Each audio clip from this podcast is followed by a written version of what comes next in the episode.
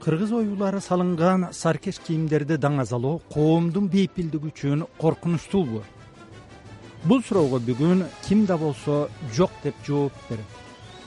Эгер советтик кыргызстандын эле тарыхына кайрылчу болсок кыргыздын улуттук оймо чиймелери салынган ар кандай бычым фасондогу кийимдерди долбоорлоо тууралуу укканда уйкусу бузулган же саясий мансабы кыйрайт деп кооптонгон жетекчилер болгонун көрөбүз.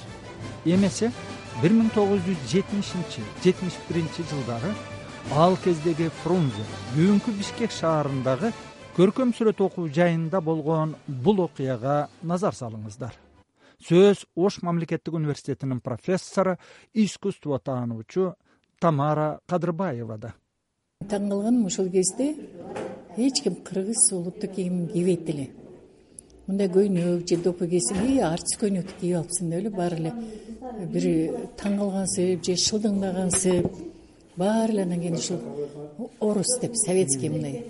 Ал мезгилде эми идеология советский человек деген ошого кетип атканбыз да. Тамара кадырбаева алыскы бир миң тогуз жүз жетимишинчи жылы фрунзе шаарындагы көркөм сүрөт окуу жайынын биринчи курсунун студенти эле ал сүрөттөгөн абалды ушул эле окуу жайдын үчүнчү курсунун студенти жыпар жекшиев оңдомок болот. Бир миң тогуз жүз жетимишинчи жылы жыпар жекшиев эми эле сссрдин аскери деңиз флотунда үч жыл кызмат өтөп келген улут келечеги маданияты кыргыз тилинин тагдыры. Кыргыз элин башка калктардан өзгөчөлөнткөн маданий жана материалдык дөөлөттөрдү калыбына келтирүүнү ойлонгон жыйырма үч жаштагы жекшеевде чөйрөдөн кийим кечеси да айырмаланып турган. Жыпар жекшеев накты кыргыздын жигити эле. Себеби мындай бордовый сукно облегченный ошодон анан пиджак европейский эле. Анан лацкандары кара эле чөнтөгүдө и ошол жерге как раз кыял деген оймо ак колдо тигилген. Башында колдон колдон чыккан калпак кийген мындай натуральный ак жүн кара бул жерде оймосу бар анан папеги. Жыпар жекшеев кыргыздын каада салтына тарыхына маданиятына тилине болгон кызыгууну жандандырууну ойлойт жана бул багыттагы биринчи кадам улуттук кийимди эл арасында даңазалоодон башталыш керек деп чечет эң биринчи кийимден баштайбыз дедим да мен. Мына көчөгө жаштар кыргызча кийинип чыксынчы.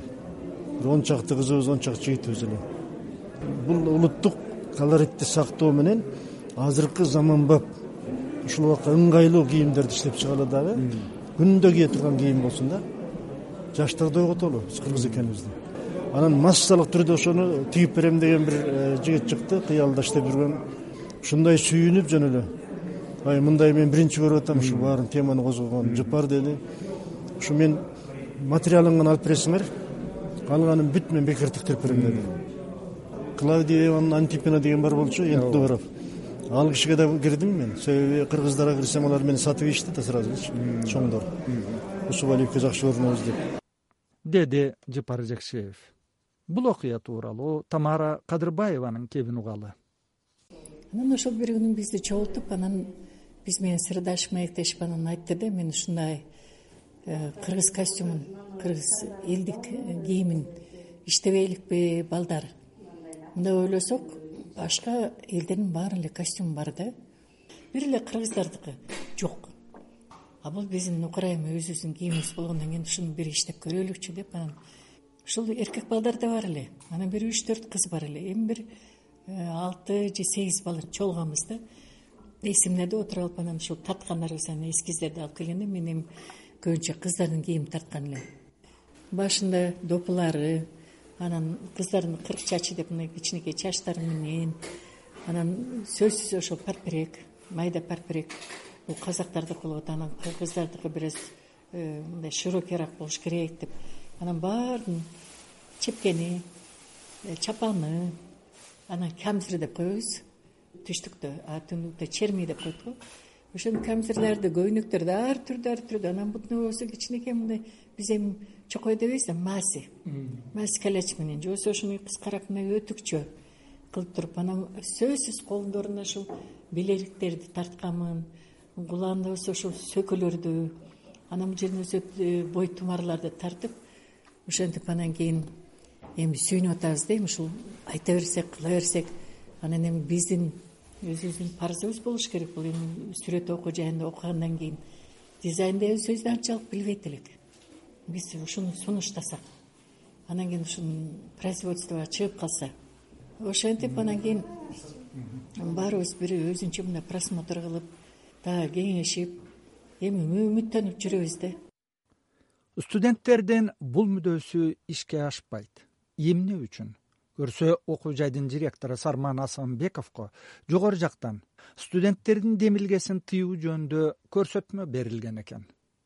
Ошентсе эле анан бир күнү бизди чакырып калды э, директорубуз. Директорубуз эми өзү мындай тажрыйбалуу мындай түшүнгөн ойчул киши эле. Э, сарман асанбеков бизде анан айтып калды мен балдар ушуну эми бир аз токтотуп турасыңарбы э, эмне үчүн деп анан биз сразу неметип кеттик да эми жаштык мындай мезгил келе элек окшойт деди да. Мынтип чакырып кгбга айтып атат сен эмне үчүн ушул окуу жайыңда национализм разводишь? Вот ошо анан биз таң калдык. Эмне үчүн национализм? Биз эми өзүбүздүн улуттук кийим бул национализмби биз эми кыргызстанда жашагандан кийин кыргыз кийим ушуну немеге кетип калабы деп. Ошо кийин аябай ызаландык да. Анан эми э, кылайлык десек окуу жайынан айдалыш керекпиз сөзсүз ошентип анан кийин билбейм эмне болду. Мен жайында уже ленинградка кеттим. Репин атындагы институтка искусствоведение факультетине тапшырам деп. Ошол боюнча анан кийин э, билбейм эмне болду деди тамара кадырбаева. Сиздер улуттук кийим студенттердин ишке ашпаган мүдөөсү деген радио берүүнү угуп жатасыздар. Андан кийин эмне болду? Анан акыркы күнү э, кыргыздын кийимдерин ушундай могундай кийимдердин түрлүү түрлүү кийимдердин эскизин аябай көп жасадык дагы анан азыр юракка эме болуп турбайбы? Ооба анда университеттин эмеси эле да бир экономфак экономфак болчу. Анан ошонун бир аудиториясын алдык студенттер аркылуу. Окуу сабак жогубаган расписание карап туруп ошондо шак кирип барып анда ачык кире берчү эмеспи кирип барып эскизди илебиз дагы анан ошол жерден талкуулап дискуссия кылып анан тандайбыз. Анан ошону эметелеп атканда анан как раз ошол күнү мени бүгүн эң чечүүчү күнүм деп атам да биринчи кадамды баштагандабыз десек эле менин директорум художественный училищенин директору анда сарман асанбеков болчу керимбеков деген аксакал художник парторг болчу. Бүт баары чоңдор жөнүндө тиякта мени издеп калышыптыр да жекшеев жекшеев анан замира деген секретарь кыз бар эле өзбечка мени көрүп эле кыйкырып ийди жекшеев где ты ходишь у меня занятие после обеда азыр занятие жок. Жөн эрте келдим. Тиги десем тебе там все ждут дейт. Эмне болуп кетти? Директордун кабинетине кирсем ал жерде ошо цкдан келдик дейт. Кгбдын эле кишилери болуш керек менин оюмча. Отуруптур биздин парторг тиги директорубуз баары тең анан мени көргөндө жөн эле сүйүнүп кетишти баягы анан эле айтты бизди азыр цкга чакырып атат жапар бизге айтпай турсуң деп эле директор сарман асанбеков айтты. Анан азыр эшикте акболго турат күтүп турат кеттик деп элечи цкга сизди да салып алды. Мени да студентти анан эмне себеби эмне максат десем билбейм иши кылып сен бир чоң жумушту баштап атыптырсың тияктан айтып атышат керек болсо жардам беребиз тигиндей эминдей кылабыз депчи? А мен сүйүнүп кеттим да. А көрсө табышалиевдин ректору университеттин ректору ушул жака алып кетпедиби тиги фрунзе көчөсүнөн тоголок молдобилдиев тиякты көздөй бурулуп кетти. Көрсө ал жерде кгбнын эки кишиси отурган экен. Жок бир киши кгбдан келген. Анан табышалиев отурат анан молдобаев отурат еще ал жерден эки саат менен дискуссия болдук да ошолор менен айтышып. Мен баягы коммунизмге каршы эмесмин ленинизмге каршы эмесмин мен ошону эметип атам. Бирок ал жерде айткан эмес да маданият орустук болот деп. Общий культура дегендин ичинде биздин да культурабыз болуш керек да. Кыргыз да ошонун составындабыз да деп ушинтип чыктым да. Мен